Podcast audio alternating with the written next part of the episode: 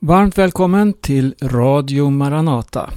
Berno Widén heter jag och vi är i sändning nu i en knapp halvtimme till. Och eh, vi ska fortsätta att se på tabernaklet eller Guds boning. Och det här är del nummer 12 i den här serien. Övriga program finns att lyssna till om du så önskar. Gå in på maranata.se eller direkt till Maranata Podcast. Och där kan du vara med och eh, lyssna till den här undervisningen. Jag har gått igenom tabernaklet och vi är framme vid slutet av den här serien program. Och vi ska idag titta på innehållet inne i det allra heligaste.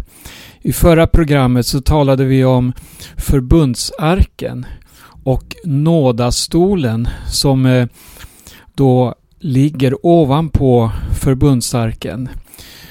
Och i förbundsarken så fanns en del föremål av väldig betydelse. Vi ska titta lite på det här idag. Och vi inleder med att läsa ur Hebreerbrevet.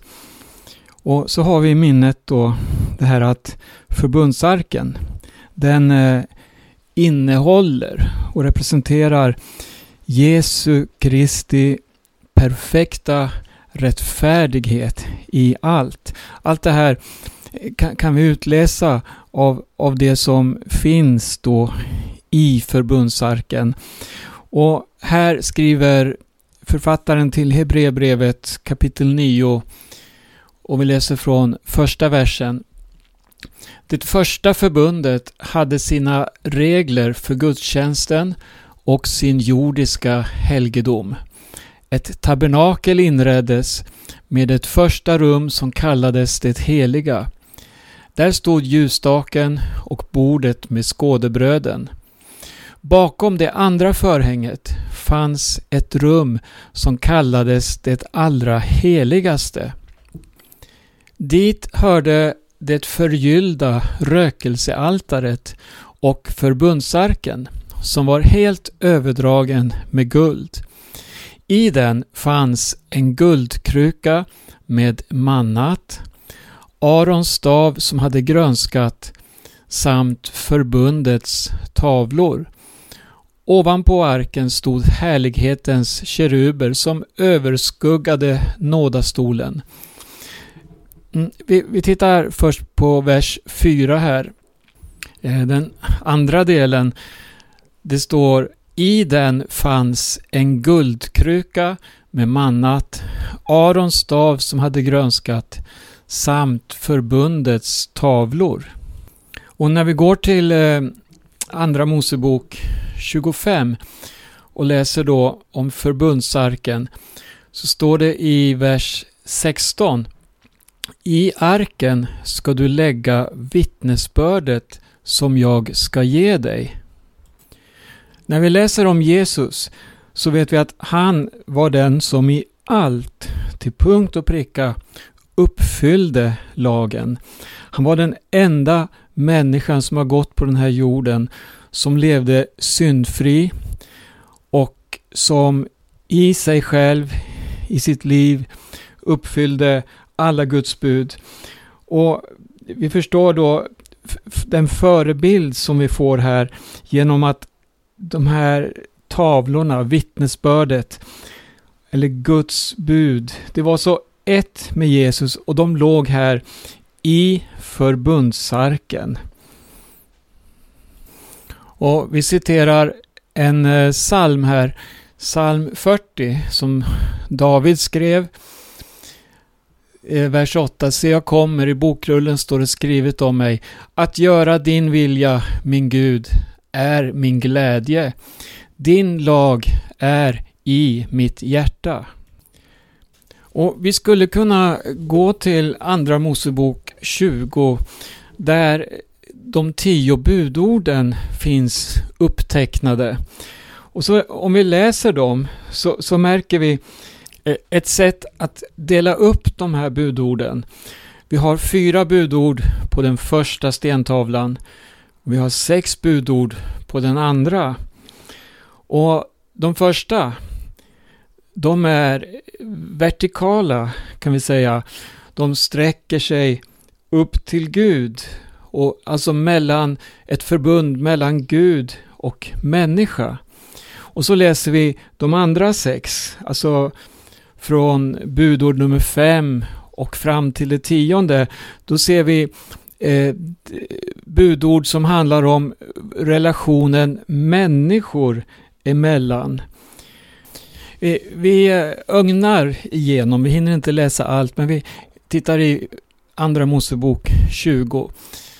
Då har vi det här första, du ska inga andra gudar ha vid sidan av mig och du ska inte göra dig någon bildstod eller avbild av det som är uppe i himlen eller nere på jorden eller i vattnet under jorden och så vidare. Du ska inte missbruka Herren din Guds namn. Där har vi ett bud. Och tänk på sabbatsdagen så att du helgar den. De fyra första buden och de relaterar ju direkt i vår kontakt med Gud. Och sen femte budet, hedra din far och din mor. Du ska inte mörda, du ska inte begå äktenskapsbrott, du ska inte stjäla, du ska inte bära falskt vittnesbörd mot din nästa. Du ska inte ha begär till din nästas hus. Här är de horisontella budorden, alltså det som är människor emellan. Allt det här uppfyllde Jesus under sin eh, tid här på jorden. Och nu ska vi läsa något som Jesus sa. Vi går till Matteus i kapitel 5 där Jesus börjar eh, bergspredikan. Och där säger Jesus då i 17 versen Tro inte att jag har kommit för att upphäva lagen eller profeterna. Jag har inte kommit för att upphäva utan för att uppfylla. Och vi kan ju läsa om Jesus. Han var ju så oerhört speciell hur han växte i vishet, ålder och välbehag inför Gud och inför människor. Och vi, vi läser också om hur Jesus han sammanfattar lagen i två bud. Och han har ju auktoritet att göra det. Och det, det står så här i eh, Matteus 22. Vi kan läsa från vers 34. Fariséerna hörde att Jesus hade gjort saduceerna svarslösa och samlades runt honom. En av dem, en laglärd, ville pröva honom och frågade Mästare, vilket är det största budet i lagen? Han svarade du ska älska Herren din Gud av hela ditt hjärta och av hela din själ och av hela ditt förstånd.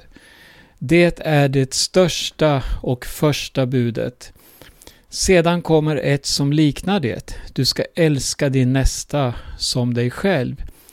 På dessa två bud hänger hela lagen och profeterna. Och så här möter vi ju det här eh, vertikala. Du ska älska Herren din Gud och det horisontella. Du ska älska din nästa som dig själv. Och eh, jag tycker det är på sin plats att vi läser också vad Hebreerbrevet skriver i det åttonde kapitlet. Just det här, vi ser hur Jesus, eller genom Jesus, hur lagen får en helt annan innebörd, en helt annan betydelse, eller ett djup kan man säga. För den flyttar från stentavlorna in i våra hjärtan och inte vilka hjärtan som helst utan förvandlade hjärtan som, som eh, Jesus har gett oss. Skapa i mig Gud ett rent hjärta kan vi läsa eh, Davids psalm. Och eh, det står om hur han ger oss ett nytt hjärta. Och så här skriver Hebreerbrevet eh, i kapitel 8, vers 10. Detta är det förbund som jag efter denna tid ska sluta med Israels hus, säger Herren. Jag ska lägga mina lagar i deras sinne och skriva dem i deras hjärtan. Jag ska vara deras Gud och det ska vara mitt folk. Och vi skulle kunna fortsätta läsa här. Då ska ingen mer behöva undervisa sin landsman, eh, ingen sin broder och säga lär känna Herren. Alla kommer att känna mig från den minste av dem till den störste. För jag ska i nåd förlåta deras missgärningar och aldrig mer minnas deras synder. Vi ska komma ihåg då att lagen blev ju given på grund av att människan behövde den här tillrättavisningen, den här yttre påverkan. och det var ju orsakat av synden. Att människan drevs av synden och fick leva dess konsekvenser. Men så gav Gud en väg. Han visade, här är vägen. Men så kommer Jesus och i sig själv uppfyller han lagen. Och så tar han tag i våra liv, förvandlar oss och säger kom till mig. Han förlåter oss vår synd. Han skapar ett nytt hjärta i oss. Och så lägger han lagen i våra hjärtan. Ett annat föremål då som fanns i förbundsarken, det var ett kärl med manna. Och mannat, det var ju något som Gud gav folket till mat i öknen. Och det, mannat upphörde aldrig. Det var något beständigt, något som återkom. Varje morgon fann man manna på marken och man bakade bröd och så vidare och såg Guds barmhärtighet, såg Guds omsorg om folket i öknen. Det står i, i Andra Mosebok kapitel 16 om mannat. I vers 4, se jag ska låta det regna bröd från himlen åt er. Folket ska gå ut och samlas så mycket de behöver för varje dag. Så ska jag pröva dem om de vill vandra efter min lag eller inte. Och i vers 14 ska vi läsa nu. När daggen hade försvunnit, se, då låg det på marken ute i öknen något fint som fjäll, något fint som liknade rimfrost. Israels barn såg det och eftersom de inte visste vad det var frågade de varandra, vad är det här? Moses sade till dem, detta är brödet som Herren gett er att äta. Och så längre fram i vers 31. Israels barn kallade det manna. Det liknade korianderfrö och var vitt och smakade som tunna kakor med honung. Och Moses sade, detta är vad Herren har befallt. Spara en gomer av det så att era efterkommande får se det bröd jag gav er att äta i öknen när jag förde er ut ur Egyptens land. Till Aron sade Mose, ta ett kärl och lägg en gomer manna i det och ställ det inför Herren. Det ska bevaras för kommande släkten. Aron gjorde som Herren hade befallt Mose. Han ställde det framför vittnesbördet, alltså framför budorden då, för att förvaras där. Det var alltså det kärl med manna som förvarades i förbundsarken i det allra heligaste. Och vi går tillbaka nu till Nya Testamentet och så ska vi se vad Jesus säger just om brödet som kommer ner ifrån himmelen. I Johannes kapitel 6 så läser vi där vers 32. Jesus sade till dem, Jag säger er sanningen. Det var inte Mose som gav er brödet från himlen. Det är min far som ger er det sanna brödet från himlen.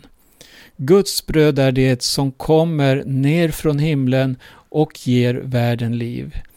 Då sa de till honom, Herre, ge oss alltid det brödet. Här ser vi hur Jesus, han flyttar fokus, alltså lärjungarna och åhörarnas fokus här till det som kommer från himlen, alltså till det som Gud ger.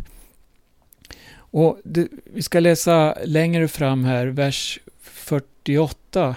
Då säger Jesus så här, Jag är livets bröd. Era fäder åt mannat i öknen och de dog. Här är brödet som kommer ner från himlen för att man ska äta av det och inte dö. Jag är det levande brödet som kommer ner från himlen. Den som äter av det brödet ska leva i evighet och brödet som jag ger är mitt kött för att världen ska leva.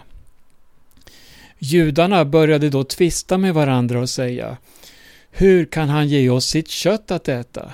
Jesus svarade jag säger er sanningen om ni inte äter Människosonens kött och dricker hans blod har ni inte liv i er.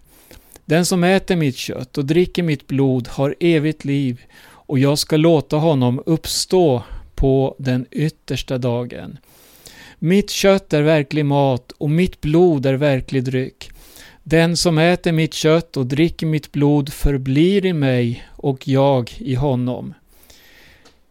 Liksom den levande Fadern har sänt mig och jag lever genom Fadern ska också den som äter mig leva genom mig. Detta är brödet som har kommit ner från himlen, inte som det bröd fäderna åt och sedan dog.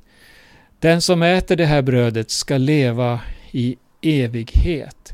Så undervisade alltså Jesus. Och här ser vi då en direkt koppling till tabernaklet eller förbundsarken och detta kärl av guld som innehöll mannat. Och det är alltså en direkt bild på Jesus som är livets bröd. Det här var en, en hård undervisning tyckte många och det står i Johannes 6 hur många av folket lämnade honom. Men det, det, vi, läser, vi läser, vi tar med det här också, vers 66. Efter detta drog sig många av hans lärjungar undan och slutade vandra med honom. Då sa Jesus till de tolv, inte tänker ni väl också gå? Simon Petrus svarade honom, Herre, till vem skulle vi gå? Du har det eviga livets ord och vi tror och förstår att du är Guds helige. Ja, det gäller att eh, ha rätt synsätt. Att det handlar om Jesus, det handlar om att han är livets bröd. Han är det centrala. Ja, i, faktiskt i allt som vi har läst om tabernaklet, om förgården, om eh, alla detaljer, så ser vi en så oerhörd bild på Fadern, Sonen och den helige Ande. Hur hela eh, tabernaklet är uppbyggt, sammansatt, delarna med varandra. Det är en sån oerhörd harmoni. Och så kommer vi nu, som vi har läst, in i det allra heligaste och upptäcker att också där, det är Jesus som är det centrala. Till och med i det innersta i förbundsarken så har vi eh, dels budorden och dels mannat som vittnar om att Jesus är livets bröd. Det fanns ytterligare ett föremål i förbundsarken och det var Arons stav. Och vi ska läsa lite om det också. Det finns ett eh, kapitel i fjärde Mosebok som eh, berättar om Arons stav som grönskar. Vi läser från början. Herren talade till Mose. Han sade, tala till Israels barn och ta från dem en stav för varje stam. Från alla deras stamhövdingar ska du ta tolv stavar och skriva vars och ens namn på hans stav. Arons namn ska du skriva på Levis stav, för huvudmannen för denna stams familjer ska ha en stav.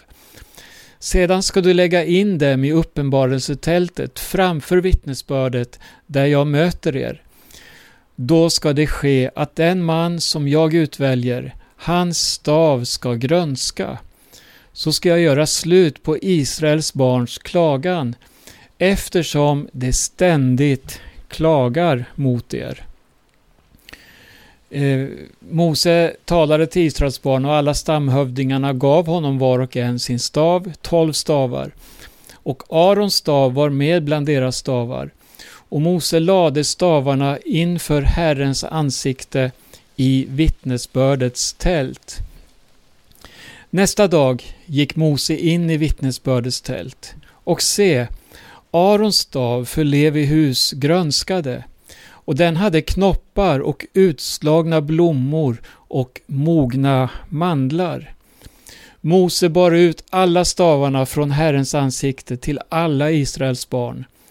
De såg på dem och var och en tog sin stav.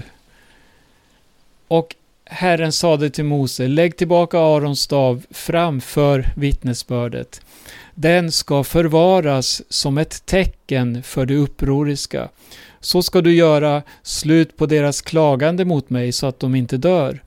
Mose gjorde så, så som Herren hade befallt honom gjorde han. Och här ser vi då bakgrunden till varför just Arons stav grönskade. Och på, på ett sätt symboliserar det här Jesus för oss som sitter på Faderns högra sida och manar gott för oss. Det här blev till räddning för folket. Så att vi inte går under allihop. Eller får slut på deras klagande så att de inte dör. Och nu ser vi hur staven då blev ett redskap och hur Gud manifesterade sig genom att låta den här staven grönska. Och visst, Herren Jesus han är ju eh, symboliskt nu då den här staven som blomstrade. Döden kunde inte behålla honom. Han, eh, det står om honom hur han eh, uppstod bland de döda. Vi, vi kan läsa här i Apostlagärningarna exempelvis då, det andra kapitlet bara en vers här, 24. Men Gud har uppväckt honom och löst honom ur dödens vånda eftersom det inte var möjligt för döden att behålla honom. Blommorna, ja, de representerar verkligen den här väldoften som går ut ifrån den uppståndne Kristus. Eller som eh, Paulus utropar i sitt brev till församlingen i Korint, första Korinthierbrevet 15 och 20. Men nu har Kristus verkligen uppstått från de döda som förstlingen av de insomnade. Ja, det finns faktiskt oerhört mycket och eh, många detaljer som jag inte har fått med i de här programmen. Vi har ändå kommit in i själva hjärtat nu av tabernaklet, alltså det allra heligaste.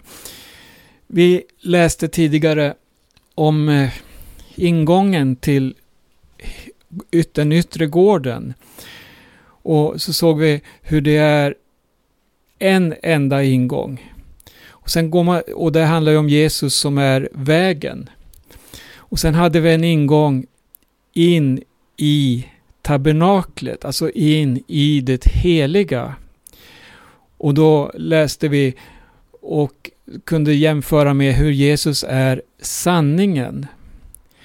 Och sedan den innersta delen, den åtskildes av förlåten. Förlåten som hindrade alla från att komma in i det allra heligaste. Och där möter vi ju Jesus som livet. Jesus sa, jag är vägen, jag är sanningen, jag är livet. Ingen kommer till Fadern utom genom mig. Alltså rakt igenom hela tabernaklets uppbyggnad så är det en uppenbarelse av Jesus. Det handlar om honom från början till slut. Och sen in i det allra heligaste. Förlåten vet vi, den rämnade då Jesus uppgav andan på Golgata. Uppifrån och ner så öppnade Gud själv vägen in i det allra heligaste. Eh, vi läste om hur det allra heligaste var format som en kub alltså i måtten, det var en fyrkant, det var allting representerar platsen för Guds tron. Gud sitter på sin tron i höjden. Och när vi läser om det nya Jerusalem som kommer ovanifrån staden så står det om dess mått. Det står om eh, dess höjd, dess längd och så vidare. Så ser vi, det är en kub. Det är utformat på samma sätt som det allra heligaste i tabernaklet. Det är förebilder på honom som ska komma. Det är förebilder på den himmelska tronen. Det är förebilder på det som en gång ska ja, sänkas ne, uppifrån ned till den här jorden. Fattar du vilken oerhörd bild det här är? som vi finner i tabernaklet. Jesus är vägen, sanningen och livet. Ingen kommer till Fadern utom genom mig. Men nu vet vi, vi har kommit till Fadern genom Jesus Kristus. Och snart en dag ska vi se allt i sin fullkomning. När det nya Jerusalem kommer ned ovanifrån, då står det att det är en smyckad stad. Den är smyckad utav bruden. Och här ser vi enheten. Jesus finns där. Det är det som, som gör att vi vill komma dit. Det är inte för själva staden i och för sig, utan det är vi ska få möta Jesus. Utan Jesus är den staden ingenting egentligen. Det är bara yttre former. Men med Jesus så kommer allt till sin rätt. Men det fanns ytterligare en detalj. Det var Jesus och bruden. Fulländningen. Snart så ska vi få se det fullbordat. Herren Jesus kommer för sin församling. En dag ska vi lyftas upp honom till mötes. En dag ska vi se honom sådan som han är. Och vi ska förvandlas i ett ögonblick, står det. Och så ska vi för alltid få vara hos Herren. Det blir en hemfärd. Men sedan ska vi tillsammans med honom komma hit ned till denna jord. Läs Uppenbarelseboken 21 om det nya Jerusalem och eh, all dess härlighet.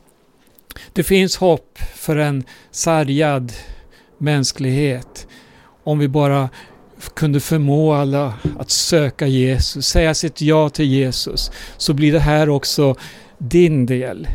Var och en som åkallar Herrens namn, han ska vara frälst.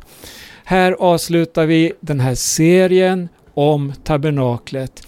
Det blev tolv delar och eh, du får gärna lyssna på dem. De finns på Maranata Podcast. Du hittar länkar också på maranata.se. Jag heter Berno Vidén och du lyssnar till Radio Maranata. Jag önskar dig Guds rika välsignelse och på återhörande.